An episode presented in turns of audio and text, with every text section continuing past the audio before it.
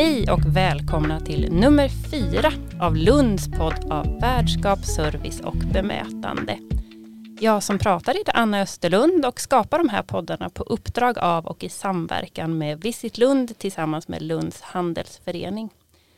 I tidigare avsnitt har vi pratat om grundläggande kunskap om värdskap.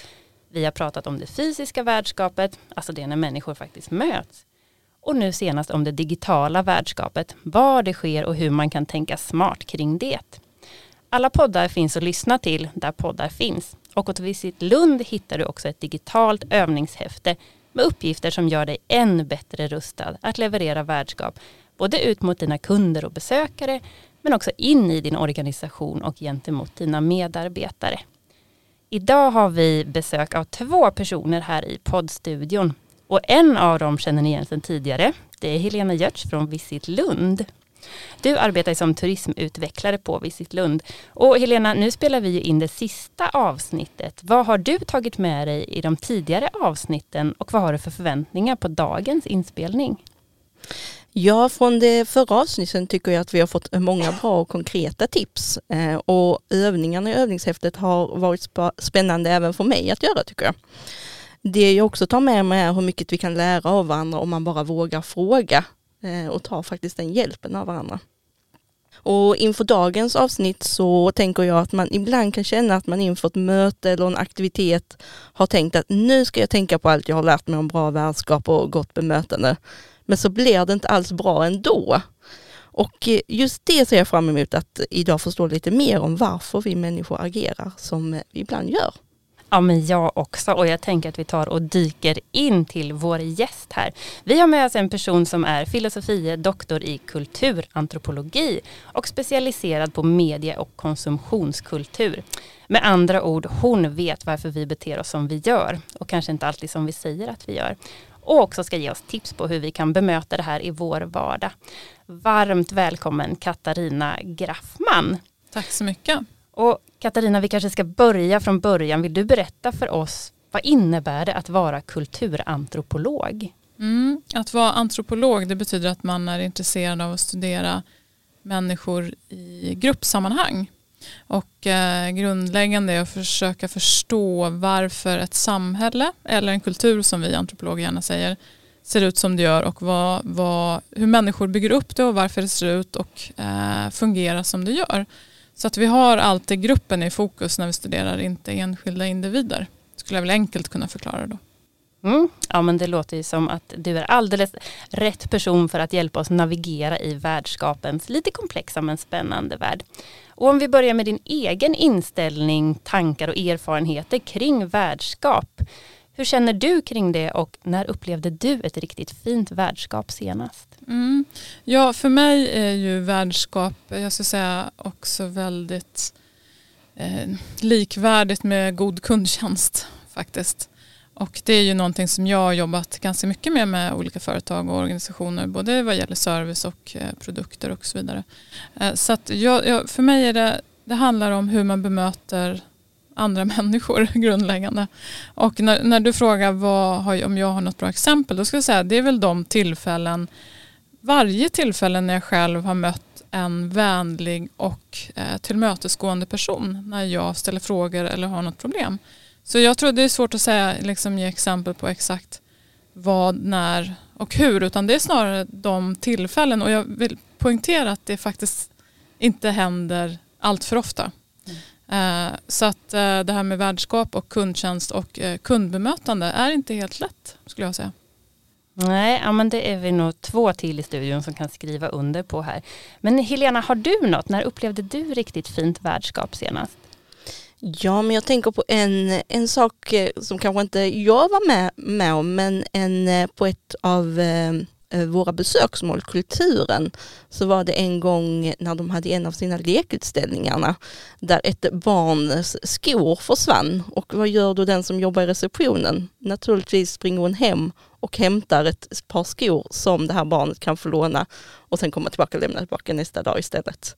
Och det tycker jag är ett väldigt fint värdskap när man, mm, mer än vad man förväntar sig. Ja men verkligen och lite det du var inne på Katarina, just det här omhändertagandet eh, och lite så här hopp om mänskligheten också får vi väl ändå lov att säga att sånt eh, visar. Och Katarina, du har ju både föreläst och skrivit böcker om människans beteende och särskilt kopplat till konsumtion. Och i dina böcker så kan vi ju läsa att man har en fin tanke om att människan ska vara den här nyttomaximeraren som fattar rationella beslut. Men du håller inte riktigt med där. Vill du berätta mer för oss om vad det innebär att vara en nyttomaximerare och varför du anser att det här inte riktigt stämmer? Mm. Grundläggande är det för att vi tycker om idén om den förnuftiga och rationella människan som vi genom information kan få att förändra sina beteenden. Och det bygger på att, att en väldigt gammal eh, idé, tradition Eh, Eh, som stammar från upplysningstiden där vi eh, började kasta ut allt det här, religion, folktro, myter och ville med hjälp av naturvetenskaperna förstå och förklara samtiden. Och det hänger ihop med det och där kommer ju idén om den förnuftiga människan, att människan på något sätt att hennes förnuft sitter över allting annat som skulle kunna betyda något i människors liv. Och eh, det gör ju också att allting som är omätbart, Eh, det, det, inkluderar vi ju inte i vår förståelse av människor. Och det är ganska mycket saker i människors liv som är omätbart. Känslor och upplevelsen av andra människor och betydelsen av gruppen för att jag ska må bra själv som människa. Eh, hur jag skapar min identitet. Eh, ja, men allting som hänger ihop med egentligen att vara människan som kanske inte är förnuftigt i alla lägen. Det inkluderar vi ju inte i vår förståelse av människor. Vilket gör att det blir ett ganska kantigt sätt att förstå människor. Och just när, jag, när man jobbar med och hjälper företag eller eh, destinationsorter eller vad det är så kan det ofta brista där för att man inkluderar inte vad som egentligen händer, människors egentliga upplevelser utav möten med andra människor eller sammanhang, platsens betydelse. Hur ska, man, eh, hur ska man förstå det om man bara använder det traditionella sättet att se på människan, det här förnuftiga, rationella. Så, mm, så kan jag väl förklara det lite. Mm, ja men jätteintressant och Helena, du som möter en mängd med människor, jag tänker du möter ju både besökare men också aktörer inom handel, inom besöksnäring. Hur känner du inför det här och kanske också kan du känna igen dig i framförallt det här beteendet med att vi kanske säger en sak men gör eller menar en annan? Ja men verkligen, det är många sådana situationer som man har tänkt vad händer nu? Ehm, det är lätt att liksom fastna i att man reagerar istället eh, för att ta ett steg liksom tillbaka och, och tänka till. Och att det är lätt att liksom ta det personligt. Absolut. Eh, ja, men så vi människor fattar inte alltid de rätta besluten även om vi har tillgång till bra information och mycket kunskap. Eh, men om man är en aktör på en plats inom besöksnäring eller handel Katarina, har du några bra tips på hur kan man då tänka eller kanske kommunicera med sina kunder för att liksom knuffa dem i den här önskade riktningen som man har? Först och främst måste man ha en ganska bra kunskap om sina kunder. Förstå hur de beter sig och förstå hur de beter sig på en plats. Och om man nu har en specifik plats, kan ju vara en destinationsort eller det kan vara en butik, att man faktiskt nummer ett är att inte utgå från att man tror att man vet utan faktiskt ta reda på riktigt. Och det betyder att man kanske inte ställer de där frågorna och tror att människor ska kunna svara utan du behöver vara ute och vara i den här miljön. Du behöver studera och observera hur människor beter sig. Du behöver förstå allt det här som jag pratade om, det som är runt omkring. Vad, vad medför kontexten? Vad medför andra människors beteenden för den här kunden som, som jag är intresserad av att förstå? Så jag skulle säga att det är nummer ett och när man väl har ganska bra koll på det då kan man ju faktiskt göra olika saker som eh, just det här med nudging, att man kan skapa sätt att få människor att kanske röra sig i en viss riktning eller eh, om de är inne på en plats att de ska bete sig på ett speciellt sätt. Så att jag tror grundläggande och det som saknas väldigt mycket idag det är att vi har ganska dålig kunskap om eh, människors beteenden för att vi förlitar oss på att människor kan säga vad de vill eller vad de vill göra eller vad de vill ha i framtiden och det kan vi inte göra. Nej, och även om de säger det så kanske vi inte alltid kan lita på att det är så som de faktiskt skulle agera efteråt. Och du var ju inne lite på det här med beteenden, men hur mycket är det ett mänskligt beteende som påverkar hur vi väljer att kanske svara på en recension eller bemöta utmaningar som vi möter, eller så kulturkrockar. Hur mycket är det som är ett beteende som stör oss egentligen, eller styr oss? Menar jag. Ja, jag tänker nog så att om, eh, eftersom vi till absolut majoritet använder vi oss av fråga svar Eh, metodik för att få koll på människor. Eh, och ni vet ju själva att idag när man till exempel har varit på en plats så är det inte alls ovanligt att man ska trycka på någon grön, röd, gul knapp direkt när man upplevt någonting. Eh, och det, det, finns ju två problem med det. För till att börja med så kommer människor ihåg mestadels det negativa. Mm, det är vad som fastnar. Och så, du kan ha upplevt nio bra saker på en plats men det var någon sak som var lite negativ och då är det det som du uttrycker. Eller trycker på den där knappen Eh, när du ska gå därifrån. Och då är det jätteproblematiskt för den som ska göra en tolkning av det här tryckandet på knappar. För vad säger egentligen att man har fått då kanske 68% röd tryck på knappen? Du har inte en aning om vad som är fel. Alltså det blir så ytlig eh, kunskap som man då ska försöka liksom omvandla till någon typ av praktisk verklighet. Så att jag tror att just det här att vara på plats, människor, om det är någonting så ska man liksom prata med människor omedelbart när saker och ting sker. För att ju längre tid som går desto mer försöker människor att svara och man kommer inte ihåg. Alltså vårt minne är väldigt vis, skalar bort oerhört mycket utav det vi upplever. Så att när någon sen kommer och ställer frågan, men hur upplevde du det här? Ja, men vi vill ju svara, vi vill ju inte vara dumma och säga, men jag kommer inte ihåg. Då försöker man liksom minnas någonting eller man, man pratar om det som kanske var mest minnesvärt och det kan ofta vara någonting som var mer negativt för det är det som fastnar. Så att det är ett väldigt problematiskt sätt att försöka förstå äh, människors upplevelser. Mm. Och där tänker jag, där säger du också någonting viktigt att man behöver bära med sig, alltså hur vi beter oss när vi svarar på saker och ting. För ibland kanske det kan kännas som att åh nu fick jag en dålig recension eh, och så tar man det för exakt ordagrant vad det var, när det egentligen kanske också kan beröra något annat då. Och nu har vi pratat lite om det här med externa relationer och hur de kan påverkas genom värdskap och människans naturliga beteende. Men om vi tittar lite mer inom en organisation eller för den delen inom en plats.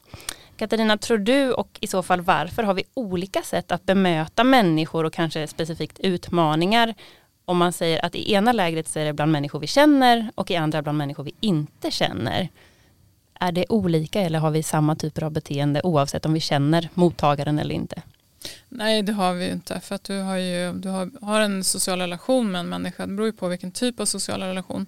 Men då har du ju förpliktelser och du har ett ansvar gentemot den personen. Så det är klart att det inte blir samma. Ehm, jag tänker det om man tänker sig själv i olika sammanhang. Det är klart att det är jättestor skillnad om man eh, hänger med vänner eller om man hänger med helt obekanta. Du har ju inte samma typ av ansvarskänsla eller för den delen någon form av empatisk känsla kanske för de människorna. Så att så det blir ju annorlunda.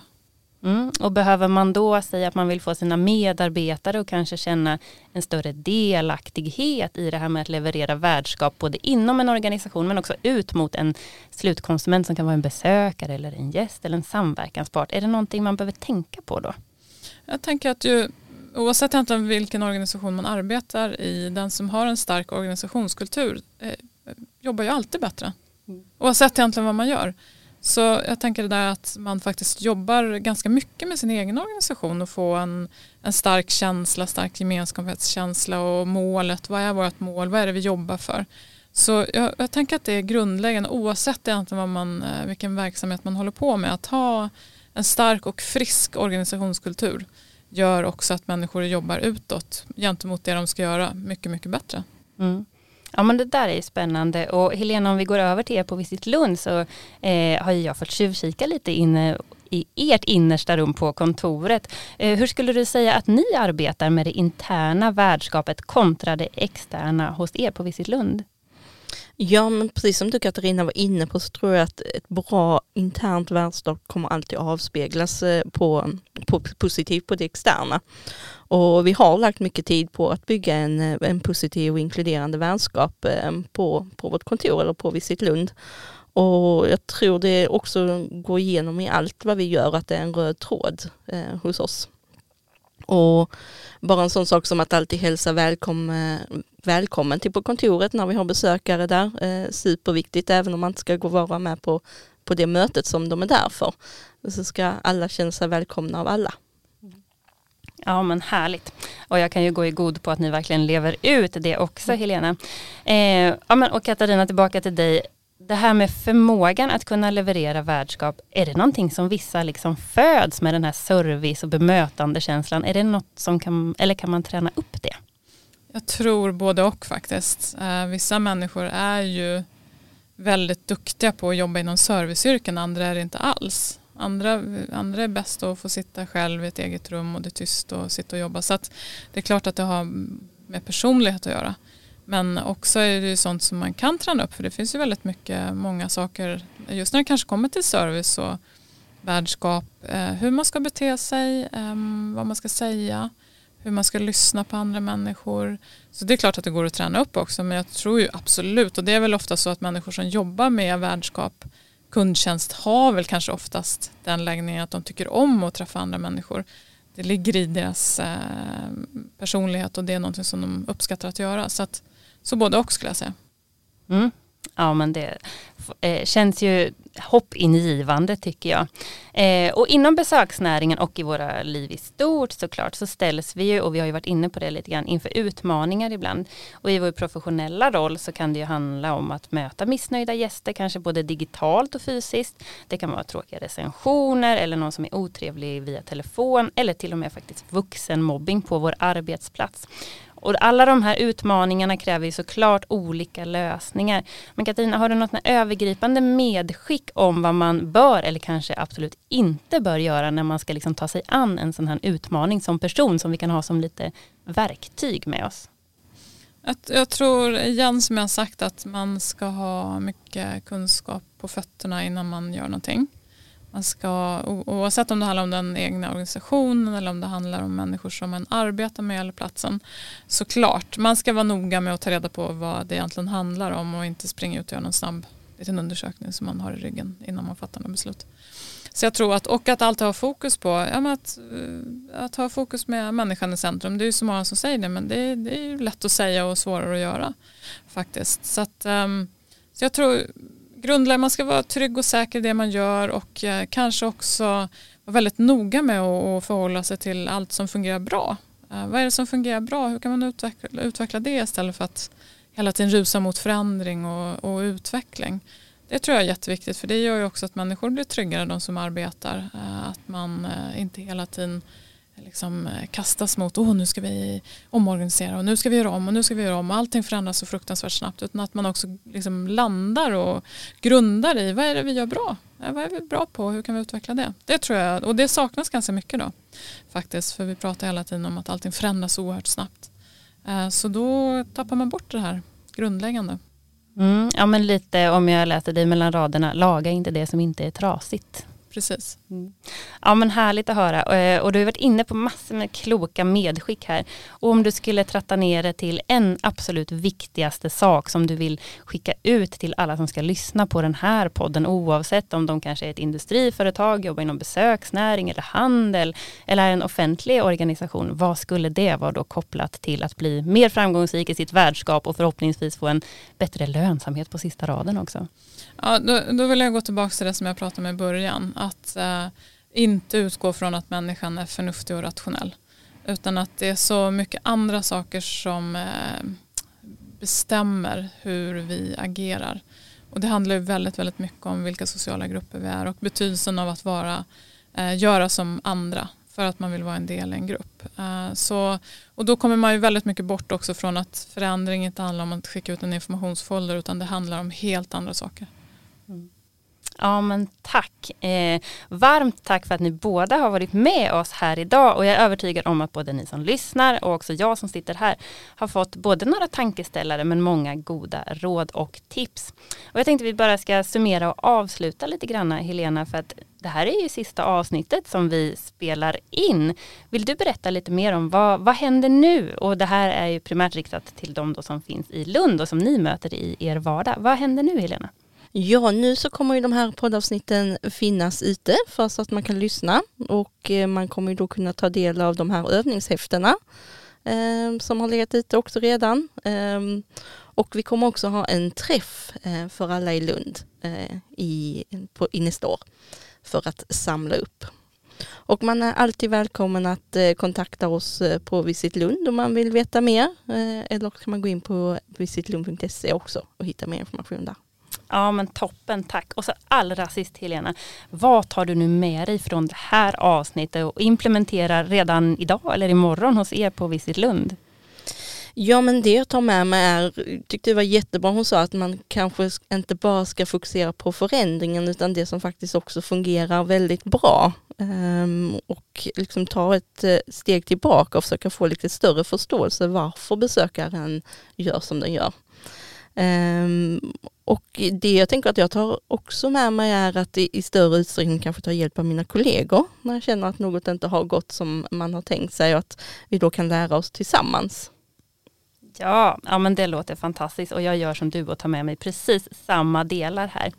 Och som Helena sa så varmt välkomna in för att ta del av de här övningsuppgifterna som finns kopplade just till det här avsnittet men också till de andra tre som vi har spelat in. Och övningshäftet och all sån information hittar ni hos Visit Lund och de andra poddavsnitten där poddar finns. Stort tack för att ni har lyssnat. Hej då!